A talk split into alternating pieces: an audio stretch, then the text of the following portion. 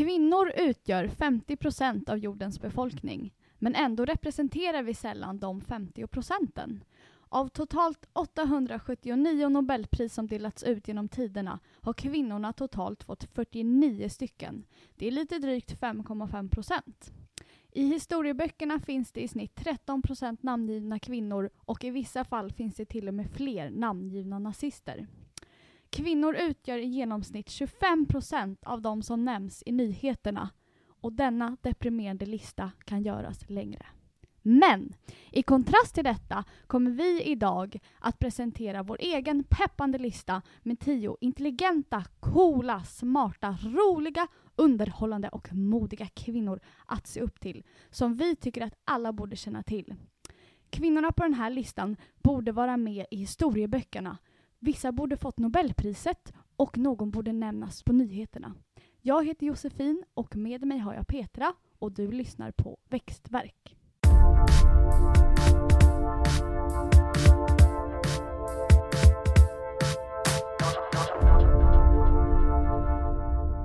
Okej Petra, hur är läget? Det är bra. Hur är det själv? Jo det är bra, jag har varit taggad inför det här avsnittet. Jag tycker att listan vi har gjort är, ja jag är jättetaggad att få presentera den. Ja, och det är väldigt kul för det känns som att vi hade kunnat gjort den här listan så mycket längre. Jag har verkligen hittat så mycket fascinerande unga och gamla kvinnor i den här listan. Absolut, och vi har fått stryka många. Men nu har vi ändå, eh, vi kommer börja på 10 och jobba oss uppåt Mm. till plats nummer ett. Kan vi säga. Precis. Så får ni ju se om ni håller med oss om vem vi har satt på plats nummer ett. Ja. Ska vi börja med listan? Det kör vi på. Plats 10. June Carter Cash. June Carter Cash hon föddes 1929 i Virginia i USA. Hon var vad man kan kalla ett underbarn kan man säga. Hon spelade gitarr, banjo och munspel och hon var även skådespelerska, musikproducent, författare, låtskrivare men främst kanske ändå countrysångerska. We got married in a fever, hotter than a pepper sprout. We've been talking about Jackson ever since the fire went out. June började sin karriär med Carter Sisters som hon hade tillsammans med sina två systrar. Där June var ledsångerska och blev populär för sin komiska sida på scenen. June hann med att vara gift tre gånger i sitt liv.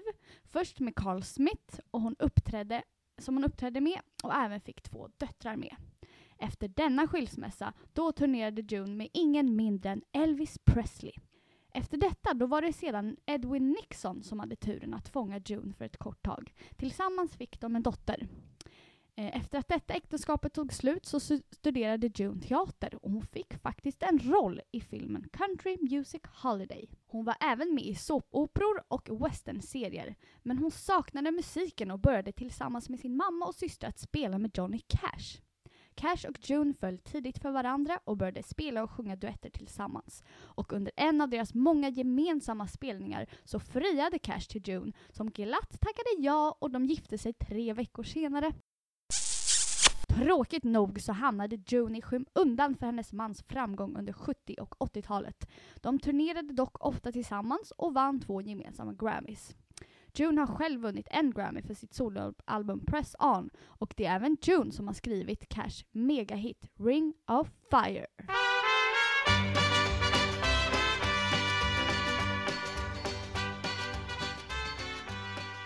Wow! Ja, plats nummer 10 ändå.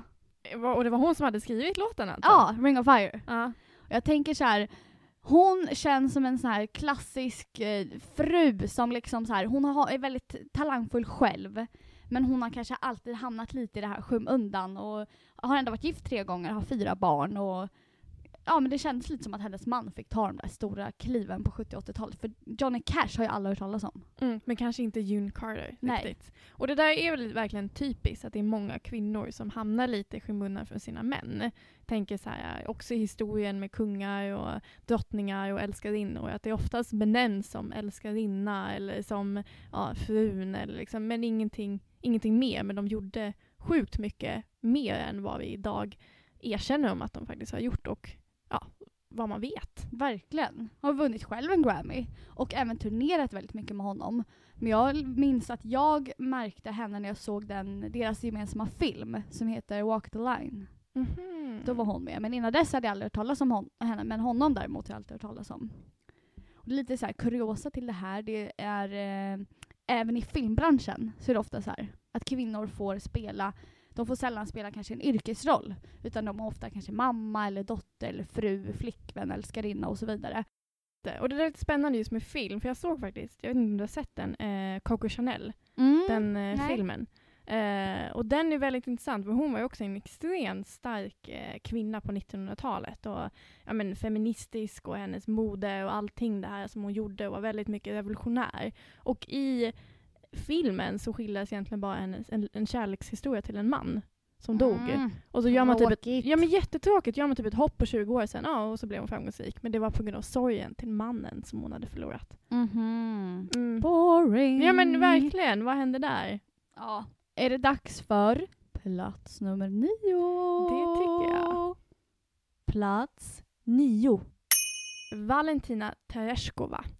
Och hon var den första kvinnliga astronauten i rymden. 11, 10, 9. We have ignition sequence start. 6, 5, 4, 3.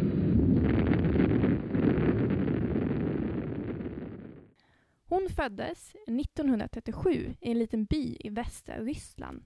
Hon arbetade som textilfabriksarbetare när hon blev antagen till kosmonaututbildningen.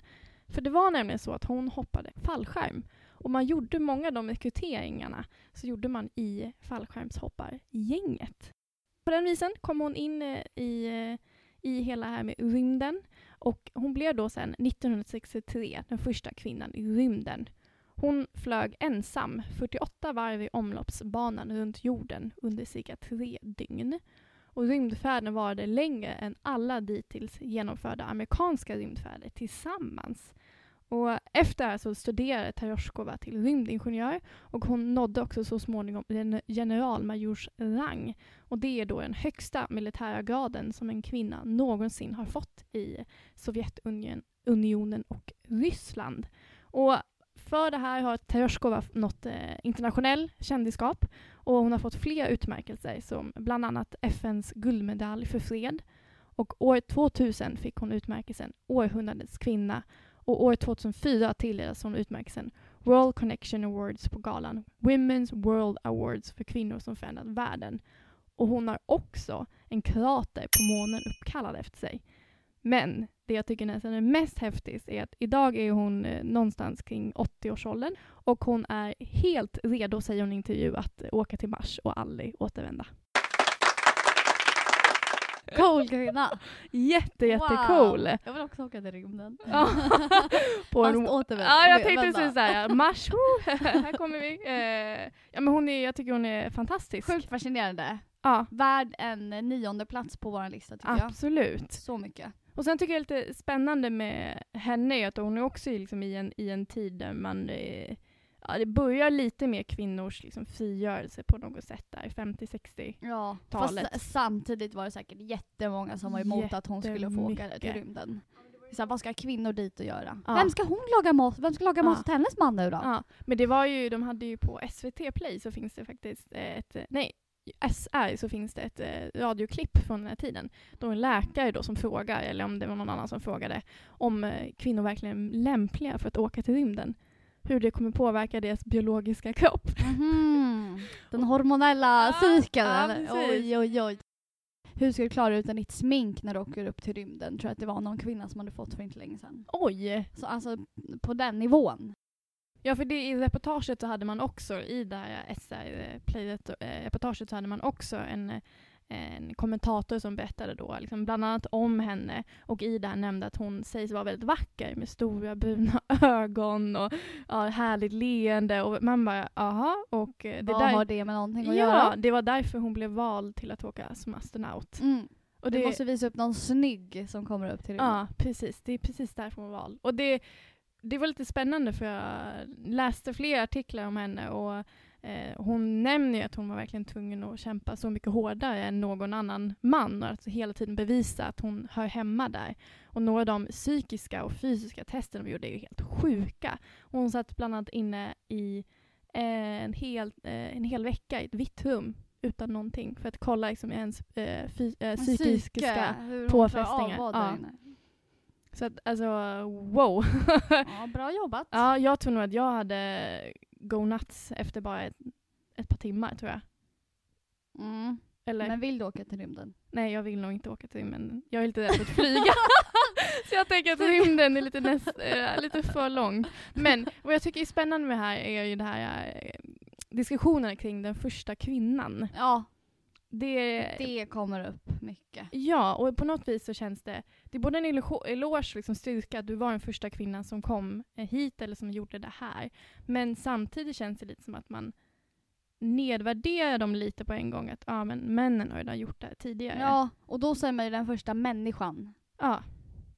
Precis, man då säger skulle man kunna dela mannen. upp den första mannen i rymden och den första kvinnan i rymden. Sen så var ju en man där först, men det beror ju på andra orsaker för att kvinnor inte hade lika lätt Nej. att ta sig fram, att få åka, att liksom ha möjligheten att tro på sig själva. Ja men det är ju ett strukturellt hinder, så när en kvinna gör någonting för första gången så är det ju verkligen eh, banbrytande, för hon gör det inte bara en viss, alltså hon åker inte bara till rymden en första gång, utan hon byter också massa strukturer. Ja, och då kan man nästan räkna bort 50 år och då var säkert kvinnorna först med typ allt. typ. Då känner jag att vi blev lite partiska här. Är det dags för eh, plats nummer åtta kanske? Yes.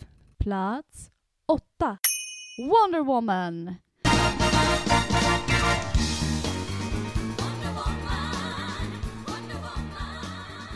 Wonder Woman är en amerikansk seriefigur.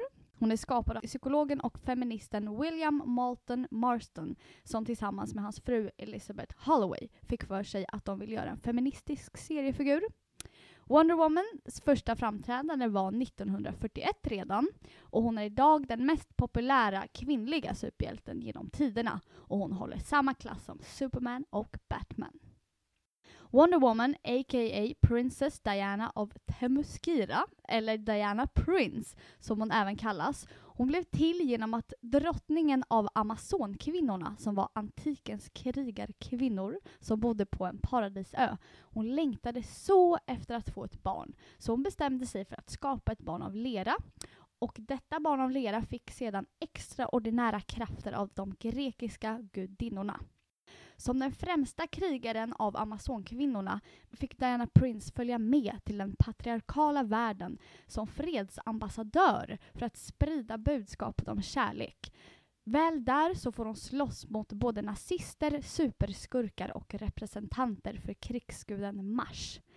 Diana blir där superhjälten Wonder Woman och blir en del av superhjälteteamet Justice Society of America.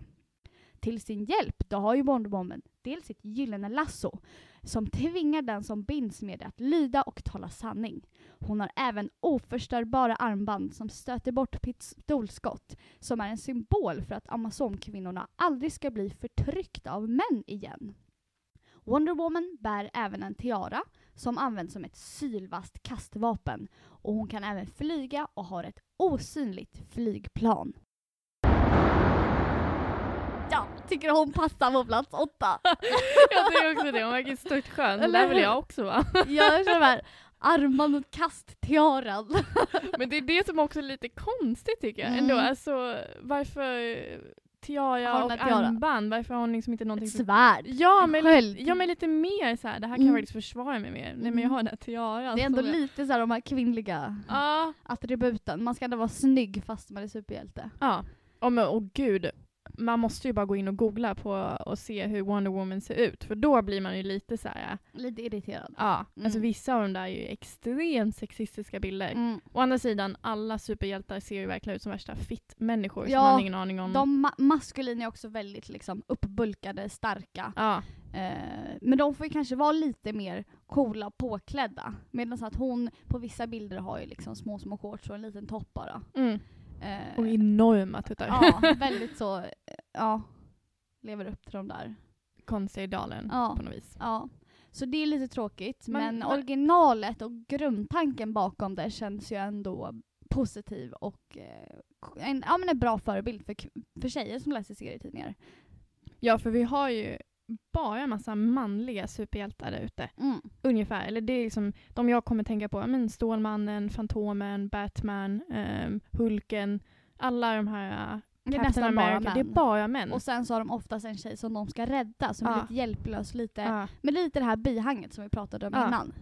Den här försvarslösa kvinnan som inte kan ta hand om sig själv. Mm. De måste ha en stark man som kommer rädda en. Mm. Och det är ju därför det är så viktigt att ha liksom, sådana här förebilder i kulturen också och i liksom, serievärlden och i filmvärlden. Människor och kvin eller kvinnor som det verkligen ja, men, kan kicka ass på det liksom, själva. Ja, det behövs fler.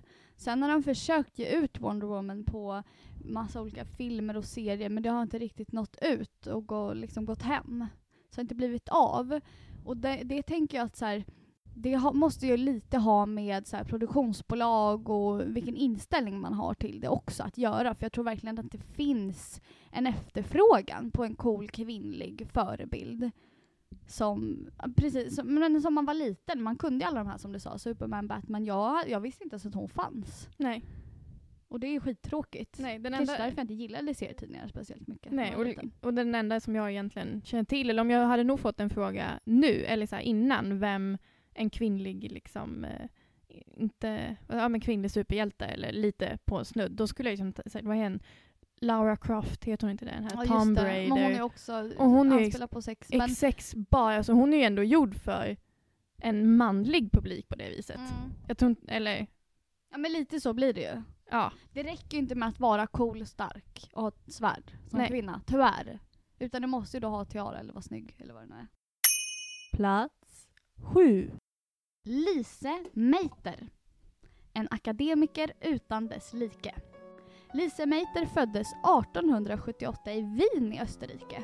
På den tiden då var det väldigt ovanligt att kvinnor studerade vidare efter grundskolan. Då det förväntades att vara hemma och ta hand om familjen och ja, kanske jobba med något typiskt kvinnligt. Som typ, eh, ja, något de trodde var för kvinnor helt enkelt. Meiter hon var dock inte nöjd med detta utan hon läste vidare på gymnasiet och sedan även på universitetet i Wien. Där var hon en av de absolut första kvinnorna att läsa fysik. Meiter hon doktorerade sedan redan 1907 och ville då börja forska. Men kvinnor fick inte forska på den här tiden för de fick helt enkelt inte det. Men Meiter tjatade och fick till slut ett erbjudande om att forska tillsammans med en man för hon kunde inte göra det själv utan då fick hon göra det tillsammans med en man. Vid namn Otto Hahn. De fick heller inte sitta med de andra forskarna på universitetet utan de fick sitta nere i källaren då kvinnor inte fick befinna sig i laboratorierna där enbart män fick vara. Meitner fick heller inte använda toaletten på universitetet utan hon fick utföra sina behov på en restaurang längre ner på gatan. Men Meitner visade dock senare var skåpet skulle stå och tack vare sina skills så blev hon senare accepterad inom universitetsvärlden. Och 1926 då anställde universitetet i Berlin henne och hon blev den första kvinnliga professorn i Tyskland. På grund av Hitler och nazismens intåg var Meitner dock tvungen att fly då hon var judinna. Hon väntade med att fly så länge hon kunde och eftersom att universitetet i Berlin hon jobbade på inte ägdes av staten så kunde hon stanna ända till 1938 och då flydde hon till Sverige. Under tiden som Meitner och Otto Hahn forskade tillsammans hade de kommit fram till att en atomklyvning av uran skedde då, de, då de kom i kontakt med neutronbestrålning. Deras forskning fortsatte även efter att Meitner hade flytt till Sverige och under brevväxling frågade Han Meitner om hur hon trodde att denna atomklyvning gick till. Och efter funderingar, forskning och diskussioner med sin systerson och sin väninna Eva von Bar kom Meitner fram till hur hon trodde att detta gick till. Hon gjorde en no noggrann skiss och skickade den till Han som sedan testade Meitners hypotes som mycket riktigt stämde. Han skrev därefter en vetenskaplig artikel om denna upptäckt och så gjorde även Meitner tillsammans med sin systerson. Lise Meitner och Han hade alltså efter 30 års forskning tillsammans kommit på att kärnklyvning uppstår då uran utsätts för neutronbestrålning, så kallad nukleär fusion. Dock så var det Meitner som kom på den slutgiltiga fysikaliska förklaringen. I sin publikation förutsåg Meitner att denna kärnklyvning skulle generera enorm energiutveckling. Många förstod då att detta kan komma att användas som vapen. Men detta var Meitner starkt emot och ville inte ha något att göra med ett vapen och framförallt inte med något som kunde skada människor att göra.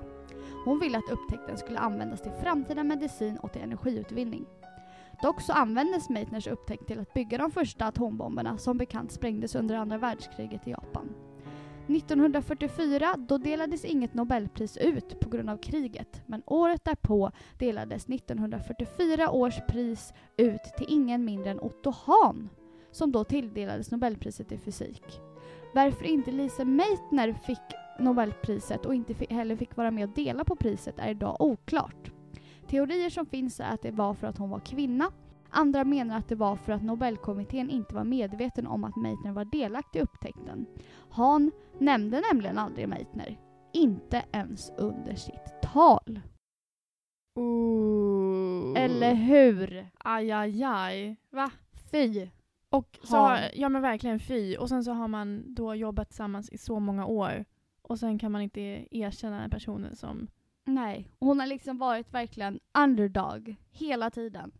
Först får hon inte gå på universitetet så klarar hon det. Sen får hon inte forska, får ändå göra det fast i källaren. Bli professor, kom på det här och sen var i tacken. Inte ens ett nobelpris. Nej. Det är fy. Skam. Det är verkligen wow. Och det där, och tyvärr så tror jag inte att hon är ensam. Absolut inte. Alltså som vi nämnde i början så är det för, endast 49 kvinnor som har fått nobelpriset genom tiderna. Och jag vet med mig, jag kommer inte ihåg vilka det är, men jag vet med mig att det finns några liksom snarliknande fall också. Där det egentligen är en kvinna som har gjort en upptäckt men så har närmsta chefen eller någon annan har fått nobelpriset för det. Mm. Just i kemi och fysik är det så himla få kvinnor. Ja, det är väl egentligen mest i freds... Ja. Freds och litteratur är det Mm. mest kvinnor som har fått. För det känns väl här, lite mer feminint, lite mer okej. Men kvinnor de vill ju ha fred och kärlek. Medan att män kan komma på de här riktiga. Kemi och fysik och eh, ekonomi. Och det här känns ju som att ja, men Nobelpriset är ju så mycket i vår kultur. Och Mm. det har en sån stor status att man får ett Nobelpris. Och jag känner ju verkligen att man borde göra någon form av upprättelse. Tänka till ja. Ja men och både tänka till och både göra upprättelse för de kvinnor som faktiskt inte har fått Nobelpriset eller som inte har blivit namngivna i de här sammanhangen. Om man kollar på statistiken då så är det ju så himla få kvinnor som sitter i de här kommittéerna där de utser priset för kemi, fysik och ekonomi. Och det är också där de har fått, eh, där me- mest män får priserna. Så det säger också ganska mycket om att även där börjar redan fördelningen, att det är mer män. Jag tror det var 13% kvinnor som satt i den där vetenskapsakademin som, som bestämmer. Och det borde nästan vara det första man gör liksom 2015, 2016 som vi nu är i. Mm. Att faktiskt eh, Ja men 50-50 hörni. 50-50, vad hände Kvotering. där? Verkligen. om, det är någonstans är det där. Sen kan man vara lite också så här normkritisk när det gäller vilka etniciteter har fått. Är det några vissa, är det mest vita? Kan jag tänka mig, jag vet inte. Ehm, läste det är ju inte speciellt många muslimer som har mottagit Nobelpriset genom tiderna heller. Så det är ju en ganska liten minoritet som är representerad egentligen. Mm. Och det blir ju liksom också ett problem med hur vi ser världen och hur vi förstår den. Nog om detta. Vi har en ny person att presentera. Mm. Plats 6. Benazir Bhutto.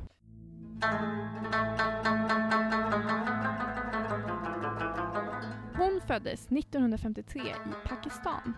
Hennes familj tillhör den politiska eliten och hennes pappa, Zulfikar Ali Bhutto, grundade Pakistan People's Party, PPP.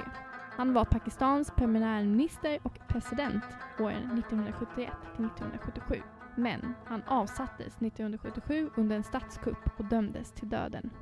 Under den här tiden studerade Benazir Bhutto på Harvard, Radcliffe och Oxford. Och hon kom hem 1977 och blev satt i husarrest under tiden att hennes pappa då dömdes till döden och hängdes. 1982 blev hon partiledare för Pakistan People's Party. 1988 valdes hon till premiärminister efter att diktatorn hade dött i en flygkrasch. Och det här var då tre månader efter att hon hade fött sitt första barn. Benazir Bhutto blev den första kvinnliga valda premiärministern i en muslimsk stat. Och hon var premiärminister mellan 1988 till 1999 och 1993 till 1996. Efter 1996 anklagades hon bland annat för korruption och tvingades att fly. Hon hamnade så i London och från 2002 så var hon partiledare för Pakistan People's Party. 2008 kom hon tillbaka till Pakistan för att ställa upp i nästa val, men mördades i ett självmordsattentat.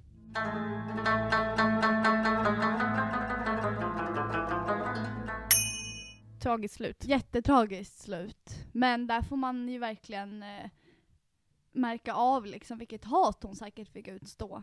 Och hon måste ju ha vetat om den här äh, hotbilden mot sig. Men ändå så kände hon att hon ville ställa upp i det här valet då, Mm. 2008. Mm.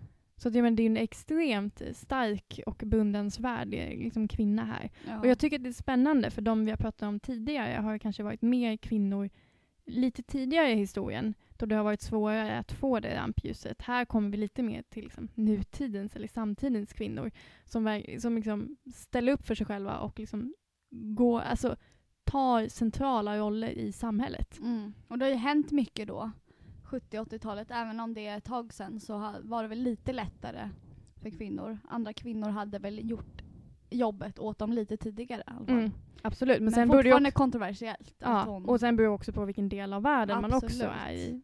eh, intressant, Benazir Bhutto alltså, på plats nummer sex. Nu börjar vi närma oss här. Mm. Topp fem. Plats fem. Påven Johanna.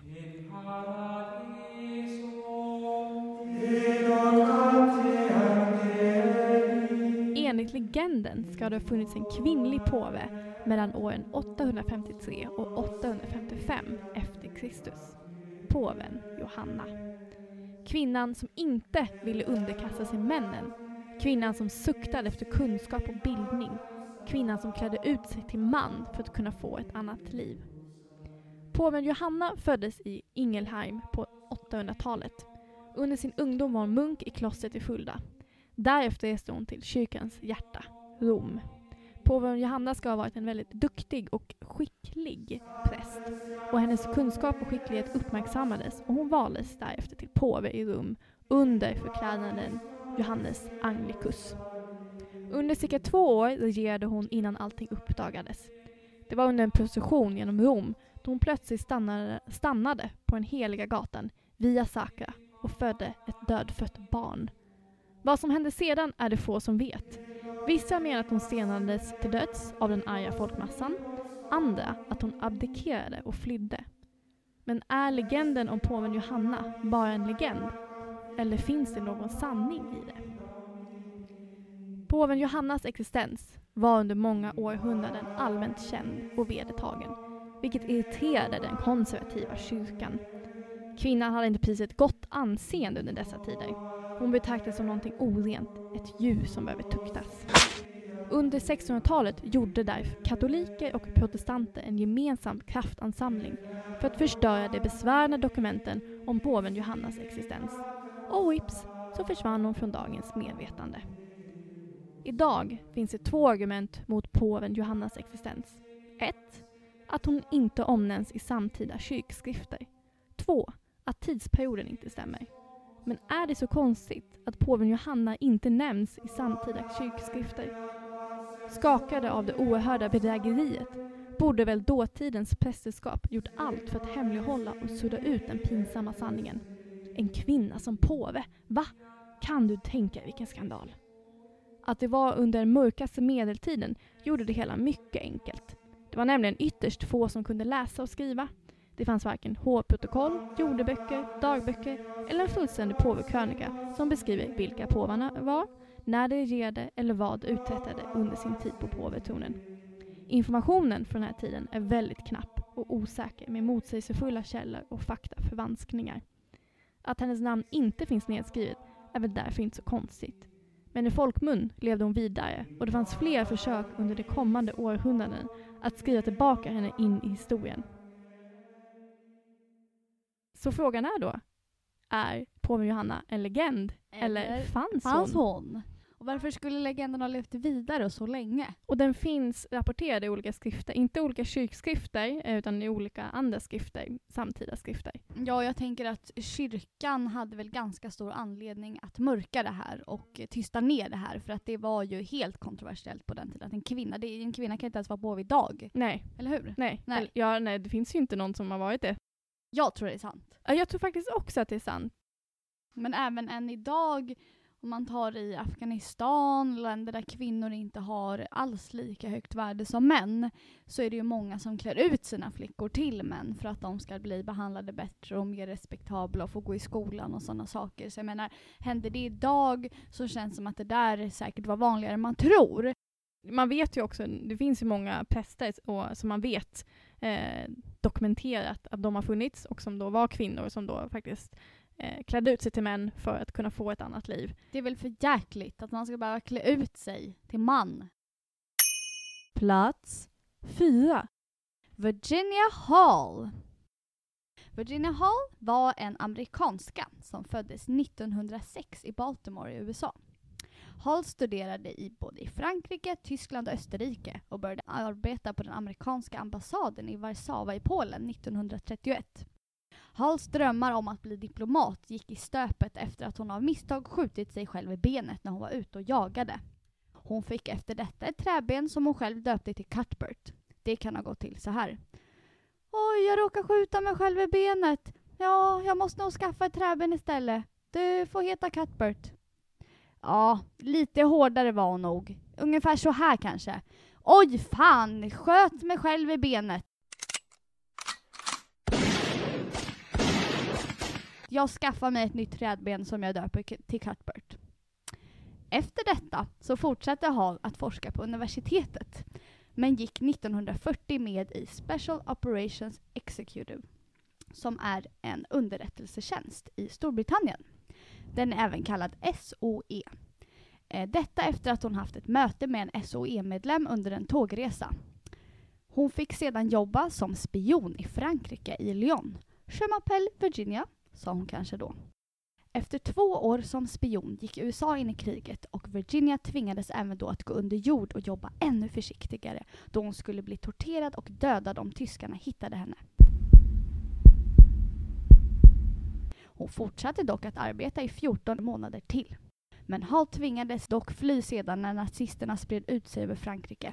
Den enda vägen ut blev genom Pyrenéerna. Hall hade problem med att ta sig över snöbetäckta berg med sitt ben Cuthbert. Åh men gud Cuthbert, att vandra med dig över snöbetäckta berg det är ungefär som att springa maraton baklänges eh, på vattnet, tänkte hon kanske då. Hall kom trots Cuthbert fram till Spanien, dock utan varken pass eller papper med sig och hon blev slängd i finkan. Men när en fånge skulle bli frisläppt från samma fängelse där Hall satt, då passade Virginia Hall på att ge henne ett brev. Ge det här till några högt uppsatta amerikanska ämbetsmän som befinner sig i Barcelona är du snäll. Okej då. Varpå Hall blev frisläppt. Hall fick sedan jobba i Madrid som undercover för The Chicago Times men kände att hon inte gjorde tillräckligt stor nytta. Hon bad då SOE om att få bli omplacerad. Please transfer me somewhere. Hall fick höra talas om det nystartade Office of Strategic Services, även kallad OSS. En del av föregångaren till CIA. Hon bestämde sig för att gå med och blev placerad i det ockuperade Frankrike. Ett livsfarligt uppdrag. På grund av Cuthbert så kunde hon inte landa i Frankrike med hjälp av fallskärm. Ja, fasen, jag skulle gärna hoppa fallskärm. Men ni vet ju hur det är med mitt träben Cuthbert och allt. Ni skulle inte kunna skjutsa mig dit med typ torpedbåt eller något. Sagt och gjort, torpedbåt fick det bli.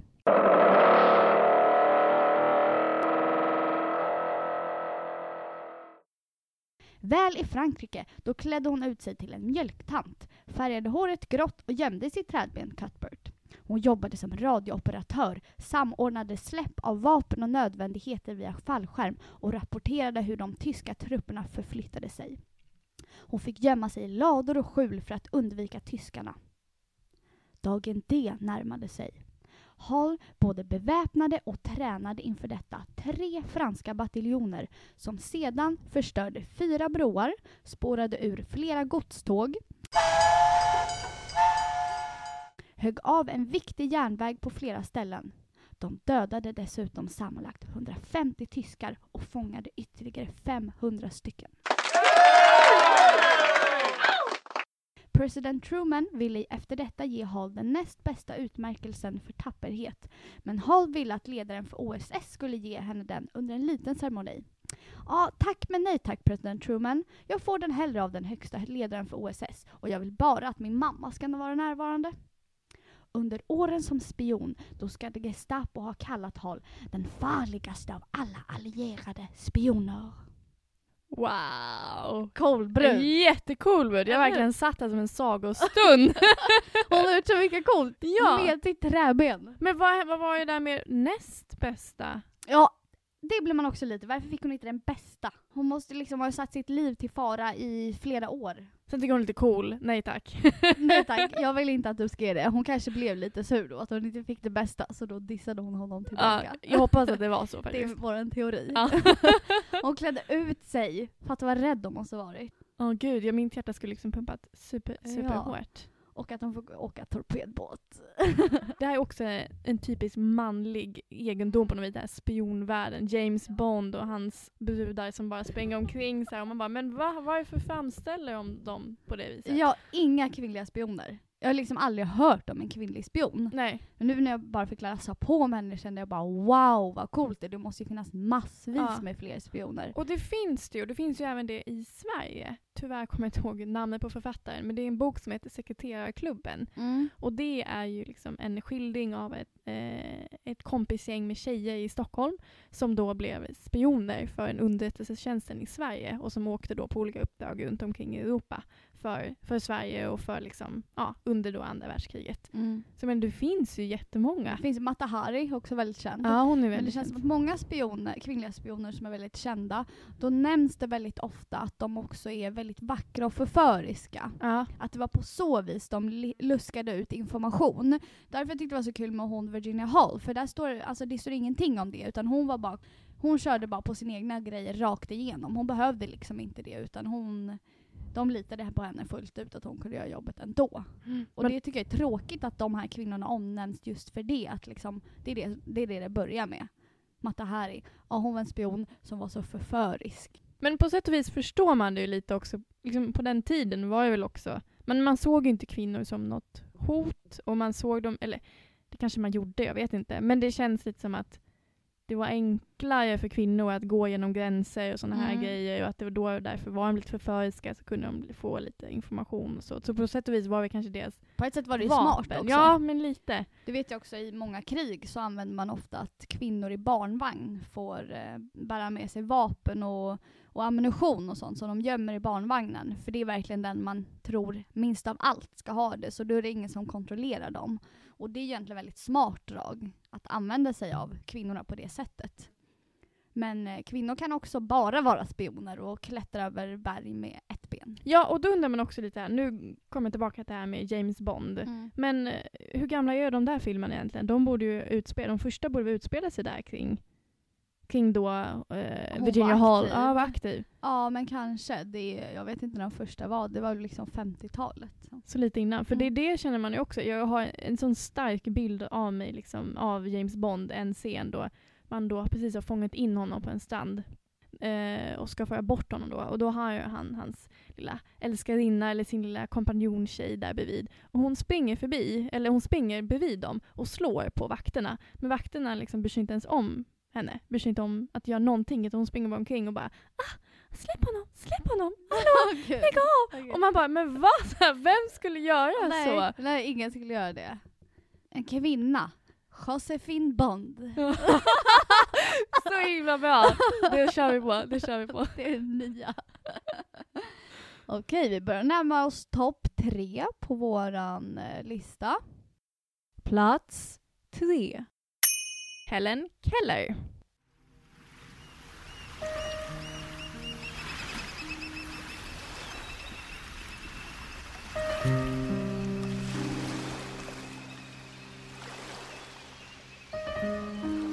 Tänk dig att du inte ser någonting. Hur ska du då liksom uppleva och förstå världen? Tänk dig då också att du inte hör någonting. Hur ska du kunna kommunicera med andra människor? Hur ska du tolka och förstå din värld? Tänk dig då också att du föddes 1880 och att du är en kvinna. Helen Keller föddes som sagt 1880 i Alabama, USA. Och hon dog 1968.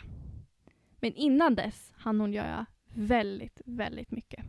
Hon blev nämligen den första dövblinda personen att ta en akademisk examen. Allt det här möjliggjordes för att hon hade en vän och lärarinna i Annie Sullivan som kom till henne när hon var liten och lärde henne då blindspråk i hennes händer. Så hur de kommunicerade och hur hon förstod världen var genom hennes händer. Och det var då början på en livslång vänskap och en enorm personlighetsutveckling för Helen Keller. Hon skrev väldigt många böcker, omkring 12 böcker i sitt liv. Hon skrev mycket artiklar och hon föreläste och talade inför folkmassor världen över. Hon var extremt politiskt aktiv och kämpade för kvinnors, funktionshindrade arbetares rättigheter i samhället. Och på 1950-talet var hon en av världens mest kända kvinnor, men är idag stort sett bortglömd. Imponerande. Extremt imponerad och hon dog ändå bara 1968. Mm. Så det är inte, okej det är länge Ja, sedan. fast hon blev också gammal. Ja, Alltså mot alla odds så klarade hon sig och tog sig igenom. Jag tycker det är sjukt ja. imponerande. Och det var också liksom på den tiden så såg man ju henne Ja, man visste ju inte hur man skulle behandla henne. Det här lilla barnet som inte kunde kommunicera eller förstå världen. Hon var tydligen enligt Annie Sullivan så var hon väldigt, väldigt bortskämd. Så hon kunde liksom springa omkring och ville liksom ha godis och förstörde grejer. Och liksom hon var som ett vilt djur och det var så man trodde att hon alltid skulle vara. Mm. Och det är också så himla, det är lite sorgligt när man tänker på det och därför blir det ändå Verkligen. så häftigt den, eh, Vilken revansch. vilken revansch för henne och då också stor eloge till Annie Sullivan, liksom verkligen bevis på systerskap, att hon lärde henne då det här liksom teckenspråk och liksom hjälpte henne att översätta en, liksom, texter och litteratur och liksom fick henne att förstå världen och kunna kommunicera med omvärlden. Jag förstår inte ändå fortfarande hur de nästan kan ha gjort det. Nej. Det är via händerna. Men jag förstår inte hur hon tog in att så här, Men via hur är en blomma en blomma? Mm. Hur är en fågel en fågel? Hon har varken hört eller sett en fågel. Nej. Och ändå kunna ta in det och sen kunna göra, alltså skriva en akademisk, få en akademisk examen. Jag tycker det är helt eh, sjukt vilket tålamod de båda måste ha Och haft. bli politiskt aktiv Mm. och verkligen så engagera sig för liksom, kvinnors rättigheter, för eh, handikappades rättigheter. Liksom. Vilken power det måste ha funnits i den här personen då. Mm. Som själv liksom hade ett väldigt liksom, stort liksom, handikapp på det viset. Och men apropå det där med hur man lär sig. Eh, det finns en ganska eh, intressant film om eh, eh, framförallt Annie Sullivan men också Helen Keller då. Hur Mm. Annie Sullivan lär hen, eh, Helen Keller att eh, förstå sig på att kunna kommunicera med världen. Och den heter The Miracle Worker. Och det gick i princip ut på att hon ritade massa, bokstaverade massa ord i hennes händer. Så tog hon på i vatten så gjorde hon liksom tecknen för vatten. Liksom, rörde hon vid en blomma så gjorde hon tecken för blomma. Och så gjorde hon så här nötte och nötte och nötte tills liksom Helen Keller helt plötsligt liksom förstod att oj, vatten är vatten. Det betyder någonting det jag har och fick de här orden i hennes Mm. huvud. Ja, det är helt fantastiskt. Det är verkligen extremt fantastiskt. Ja, men om man är blind eller döv, när man har tappat ett sinne, så förstärks de andra sinnena. Så hon måste ju ha en otrolig känsla. Mm. Hon måste ju vara expert på liksom. Känsel och känna av och lukt, liksom, hur, Mm. när, om det är någon som kommer, vem det är. Och liksom. Vi litar ju så väldigt mycket på vår syn. Ja, otroligt mycket. Och på något vis här, att bli av med sin syn skulle vara hemskt, men du skulle höra, du skulle kunna prata, men att bli av med båda. Mm. Men där är lite så här hur stark människan är, vilken drivkraft vi har inom oss. Att där, där skulle hon, man kunna sätta sig ner och bara ge upp. Liksom. Ja, men nu ser jag inte, jag hör inte, vad ska jag nu göra? Hur, hur kommer mitt liv att vara? Men att människan på något vis har någon slags drivkraft i sig att ändå gå vidare. Det går mot alla odds att ta sig fram i livet och eh, klara sig ändå. Mm. Och då och är ju, dessutom verkligen komma långt och st- stå upp för det här och föreläsa. Jag tycker det är helt fantastiskt. Perfekta liksom, personer på det viset, ja. på exemplet. Och en person som jag tycker liksom alla bör verkligen känna till. Ja. Vem hon är och vad hon har gjort. Ja, sätt henne i historieböckerna. Plats två. Drottning Filippa.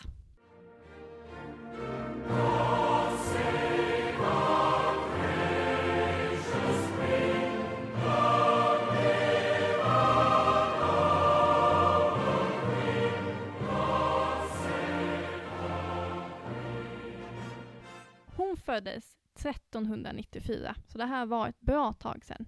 Och hon är en av våra mäktigaste drottningar, men också den som är mest bortglömd.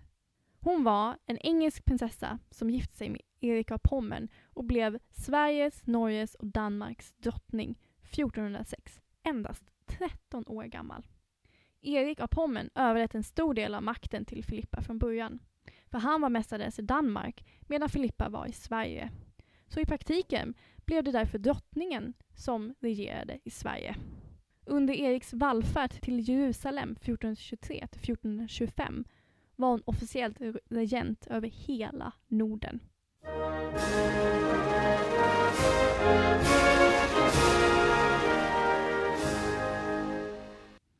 Det var också hon som i makens namn förhandlade med svenska riksrådet om svenska trupper inför kriget mot Hansan 1426 till 1427.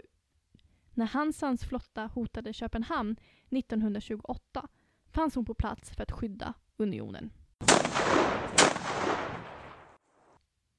I Sverige var hon en väldigt omtyckt och respekterad drottning och beskrivs som en person som brydde sig om vanligt folk. Hon dog tyvärr 1430, endast 36 år gammal och begravdes i klostret i Vadstena. Tänk att vara drottning när du är 13 år gammal. Ja, Då skulle vi varit drottningar i 13 år. det är helt sjukt. Det är helt absurt.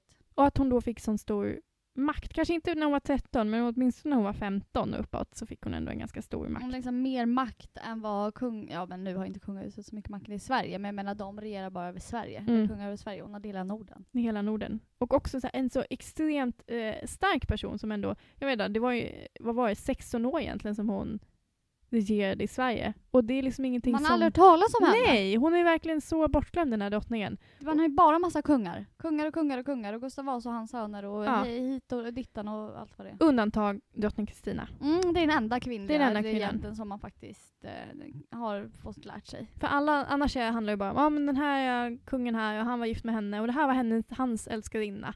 Och liksom mycket av vår historia i Sverige berättas ju väldigt mycket genom vår monarki och våra monarker. Och därför känns det liksom extra viktigt att vi verkligen är tvungna att trycka på de kvinnorna liksom i det här och vad de gjorde och eh, deras roll. Och verkligen så här, då trycka på de eh, kvinnorna som också regerade i Sverige. Jag tycker i alla fall att det är konstigt att man inte har hört talas om henne när hon regerade över hela Norden. Det borde man faktiskt ha, ha fått eh, lärt sig i skolan. Mm. Som sagt så är det ju fler eh, namngivna nazister i många historieböcker än vad det är namngivna kvinnor. Och det här är ju faktiskt ett så stort problem det här med historien och historieskrivningen att den bara är Alltså det är ju män som skriver historien och den handlar om män. Män skriver historien för och om män. Det är hälften eh, av de som läser dem är kvinnor. Ja, och liksom den historien är ju minst lika viktig. Ja, för det, nu så framställs det ju som att kvinnor inte gjorde så mycket. Det är Nej. därför de inte får plats, för de gjorde inte tillräckligt bra och coola saker. Men uppenbarligen har ju vi bevisat och många andra att så är inte fallet. Det handlar bara om att man inte har tagit in dem. Mm. Och det här är den listan som vi har ju nu på 10, men som vi poängterade i början, vi hade kunnat lista ut en lista på Tusen. hundratusen. Alltså Ja. herregud vad många häftiga. Och det är ju mycket tack vare faktiskt liksom, internet och den teknologin, att vi har tillgång till information eh, som kanske skulle vara svår för oss annars att Mm. veta om. Vilket också gör då att, må- att många av de här kvinnorna är kanske lite svår på 1900-talet är det ju enklare att få fram information än vad det är liksom innan 1900-talet. Då, Mm. blir många, då blir det lite svårare, men de finns ju fortfarande. Och det gäller ju liksom bara att gräva fram dem och ta upp dem och lyfta upp dem för dem, vad de faktiskt har gjort. Och inte tillskriva dem roller som älskarinna eller Mm. Fru. fru. Är det dags för plats nummer ett?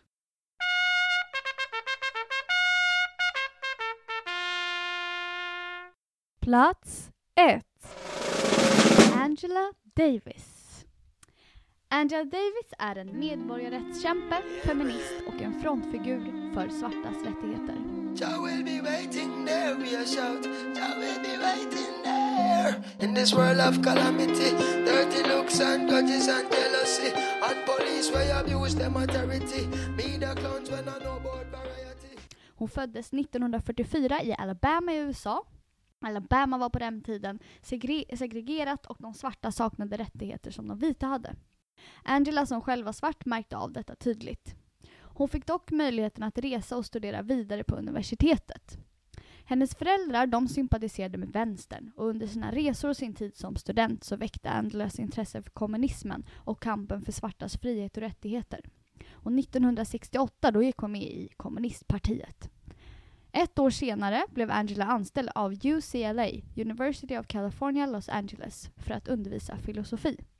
Men hon fick dock sparken innan hon ens hann undervisa sin första klass. Och som stöd för denna avskedning stod faktiskt president Ronald Reagan. Man skyllde på hennes koppling till kommunistpartiet, men många tror att det också hade att göra med att hon var svart och dessutom kvinna och som dessutom krävde sina rättigheter.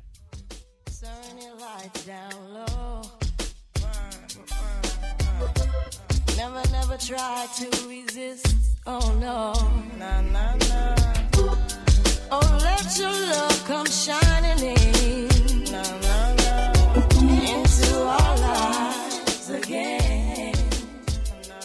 Att hon fick sparken skapade ramaskri bland studenter, anställda och de i samhället som följde hennes kamp. Och till slut efter en rättstvist fick Angela tillbaka jobbet på UCLA.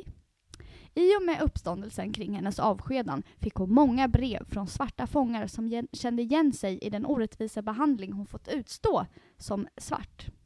Bland annat fick hon brev av George Jackson, en av tre män som kallas Solidad Brothers. Tre svarta män som suttit isolerade en lång tid utan rättegång på Soledad-fängelset. George Jackson han satt inne för att ha stulit 70 dollar och hade blivit dömd till ett fängelsestraff på obestämd tid som var allt mellan ett år och livstidsfängelse. Angela kopplade snabbt samman hennes avskedan med den orättvisa behandling som svarta fick utstå i samhället i stort och framförallt så engagerade hon sig för afroamerikanska fångars rättigheter. I samband med detta så anslöt sig Angela till Black Panthers, Svarta pantrarna, som var en amerikansk kommunistisk organisation som kämpade för afroamerikaners rättigheter. De var kända för att bruka våld om det krävdes för att få sina rättigheter igenom. De hade ett tiopunktsprogram som bland annat innefattade att svarta skulle få frihet, bostäder och rätt att bestämma över sina egna liv. De kämpade även för att svarta skulle ha rätt till rättvisa rättegångar och de som satt fängslade och hade gjort det under en lång tid skulle bli frisläppta. Soledadbröderna blev ofta omnämnda av Svarta pantrarna och Angela blev engagerad i deras fall. George Jackson, som tidigare skrivit brev till Angela och som var en av de tre bröderna, beskrev fängelselivet på ett målande och ärligt sätt och Angela hjälpte till med att få ut en bok som Jackson skrivit om livet som svart i fängelset. Angela var ofta och träffade Jackson i fängelset och de inledde snart en kärleksrelation.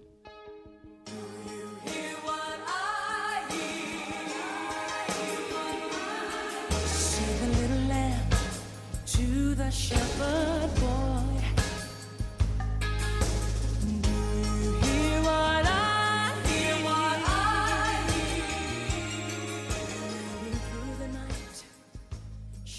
Under en av de här tre Soledadbröderna, James McLeans, rättegång så försökte George Jacksons bror sig på ett fritagningsförsök följt av ett gisslandrama. Under det här gisslandramat så dödades fyra personer, varav en högt uppsatt domare. Vapnet som användes vid det här fritagningsförsöket tillhörde Angela Davis. Anledningen till att Angela ägde vapnet säger hon själv var för att hon konstant mottog dödshot eftersom att hon var frispråkig och inte lät sig tystas ner. Hon köpte därför vapen för att kunna skydda sig själv. Hon och andra hävdade att hon inte hade något med dödsskjutningen att göra. Några inom Black Panther-rörelsen hade på något sätt fått tag på hennes vapen. Men polisen började jaga henne i alla fall. Angela gömde sig av skräck för att gå samma öde till möte som många andra afroamerikaner, nämligen att bli dömd till döden utan en rättvis rättegång. Hon var på rymmen i två månader runt om i USA. Sist befann hon sig i New York. Hon var då på topp 10 av FBI's lista över Most Wanted People. FBI fann henne på ett hotell i New York där någon hade tipsat om att de hade sett henne och hennes karaktäristiska glugg mellan tänderna. Angela blev dömd till döden på tre punkter. Kidnappning, mord och konspiration. Men Angela styrde i fängelset tillsammans med hennes syster och medborgarrättsrörelser, namninsamlingar och startade en folklig rörelse för att släppa henne fri. Denna rörelse spred sig långt utanför USAs gränser. De yrkade på att Angela skulle få möjlighet att släppas mot borgen, vilket då inte var möjligt om du hade fått dödsstraff. Rörelsen för Angelas frisläppning växte sig större och större och engagerade alla möjliga socialistiska rörelser, både svarta och vita, rika och fattiga. Till slut gick man med på att Angela skulle få släppas mot borgen som blev 100 000 dollar som på den tiden var väldigt mycket pengar. Men en bonde på landsbygden i USA satte sin gård som borgen för Angela och Angela blev frisläppt och anklagelserna mot henne lades ner. Än idag så föreläser och skriver Angela om svartas rättigheter, feminism och socialism. Och hon lät sig aldrig tystas ner.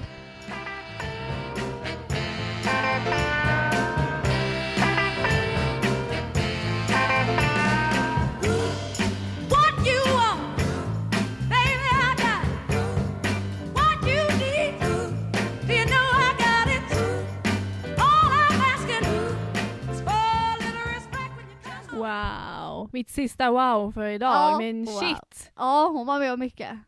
Hon stod verkligen på sig, den Och- här kvinnan alltså. Ja och verkligen vara liksom, du, du är inte bara liksom, du är inte bara kvinna vilket gör att du blir eh, lite mindre värd och lite svårare att göra det hör. Du är också dessutom liksom en svart kvinna. Det blir ju väldigt, det är ju verkligen så här strukturer, strukturer. Absolut. Och Understryk- sen inom universitetsvärlden, Ja. som kvinna och dessutom som svart, måste Ja. vara, man har fått, få, få, fick nog mycket motstånd kan jag tänka mig. Absolut. Och så sympatiserade hon med kommunismen som också var väldigt så Oj, kopplade man samman det med Ryssland så USA var det väldigt liksom Mm. big no-no.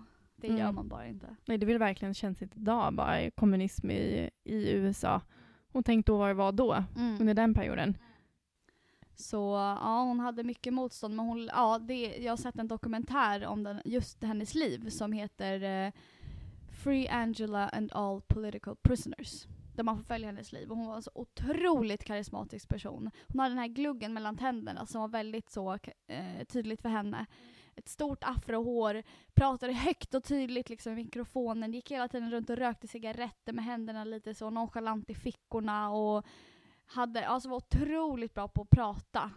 Sån som man verkligen bara suger in allt hon säger och så här. ja wow. Ja, wow. och det, det här är så spännande för det här är verkligen inte kanske bilden av kvinnlighet eller, liksom, eller kvinnlig förebild. Då ska du vara duktig på, ja, men, du ska vara duktig på att laga mat eller jag vet inte vad. Men det känns ju som att hon går lite emot. Ja, på Allt. alla plan nästan. Liksom, Verkligen. För att, och det var ganska tydligt att man såg henne på det viset. Det var som att man inte riktigt såg henne som kvinna. För sen när hon blev kär i den här George Jackson och Mm. de skickade så väldigt intima kärleksbrev till varandra som har kommit ut till allmänheten. Eh, då har man pu- publicerat dem väldigt Mhm. mycket. Oj. För då var det så här, oj, kan hon bli kär? Kan hon vara så här kärleksfull mot någon? För man såg nästan henne som någon slags robotkvinna liksom. Men det där blir ju då också ett problem. Ja. Alltså för jag menar, du får väl vara precis som du vill och tycka om precis vad du gör och, och se ut och liksom agera precis som du vill. Liksom vara en stark person och vara en stark kvinna. Men du ska inte bara då för det förknippas med någon form av manlighet eller att du då inte, inte blir kvinna, att du då ifrågasätter wow, va? Kan hon bli kär? Ja, då är det som att antingen är den här känslosamma, lugna, tillbakadragna bihanget eller så är det en sån kvinna, powerkvinna som kör på. Men då kan det inte, då kan det inte vara den här mjuka, känslosamma utan du får liksom välja antingen eller lite. Och det är lite så vad jag tycker vi har märkt lite på den här listan också. Mm. Alltså lite av de kvinnorna som har verkligen wow, här är jag. Det är också sådana som kanske liksom inte har Ja men de har prioriterat annat i sitt liv liksom. Som Benazir Bhutto liksom, hennes politiska karriär. Ja, jag menar hon hade ju säkert familj, vad, vad vet jag, och barn. Eh, men som man blir du ju aldrig tillfrågad. Så här, Oj, han valde att vara politiker trots att han hade barn. Nej. Det behöver han inte höra.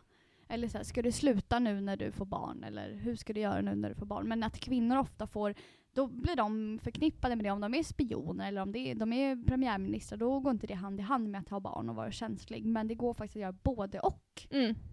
Precis som att det går för alla män. Där blir de aldrig ifrågasatta. Nej men det är liksom, eh, men det, och det ligger väl lite kvar där hur man ser på både liksom hur man ser på kvinnor och hur man ser på män och vad, vad som är ens sysslor liksom. Mm. Eh, Både historiskt och idag och att det, liksom, att det hänger så mycket kvar, kvar på något vis. Ja, verkligen. Vi blir så påverkade av eh, samhälleliga normer. Hur vi borde vara. Hur man ska vara som kvinna, som mamma, som fru, som dotter, som syster. Alltså, vi blir tillskrivna så många roller och de rollerna i sig har ju ofta de här, man ska vara omhändertagande, känslosam Eh, och så vidare. Kanske inte ha för mycket plats. Men eh, det där alltså, nu är det 2016. Nu är det kvinnornas, kvinnornas tid. Sam, ja men verkligen, men samtidigt som jag också ändå vill liksom höja att man, man får ju också vara så också. Det är ju ingenting, för det här tycker jag också liksom, ibland när man börjar prata om liksom, här, eh, kvinnors rättigheter, och man ska få vara precis som man är och om du är feminist eller om du liksom, eh, kä- kämpar för jämställdhet, då ska du inte vara som den typiska Mm. kvinnan är. Ja, då, ska, då, då, då är det big no-no. Då är det big no-no, för det är, Mm. de attributen tillskrivs fortfarande som lite mindre värda på något Mm. sätt och vis. Och det är ju också liksom, att liksom rakar du benen då, ja men då kan du inte vara feminist. Nej precis. Det blir lite kontraproduktivt. Summa mumma. Kvinnor kan göra precis vad de vill, ja. när de vill, hur de vill. Ja, och det tycker jag att vår lista demonstrerar ja. på ett bra sätt. Ja. Tack för oss! Hej då! Hej då!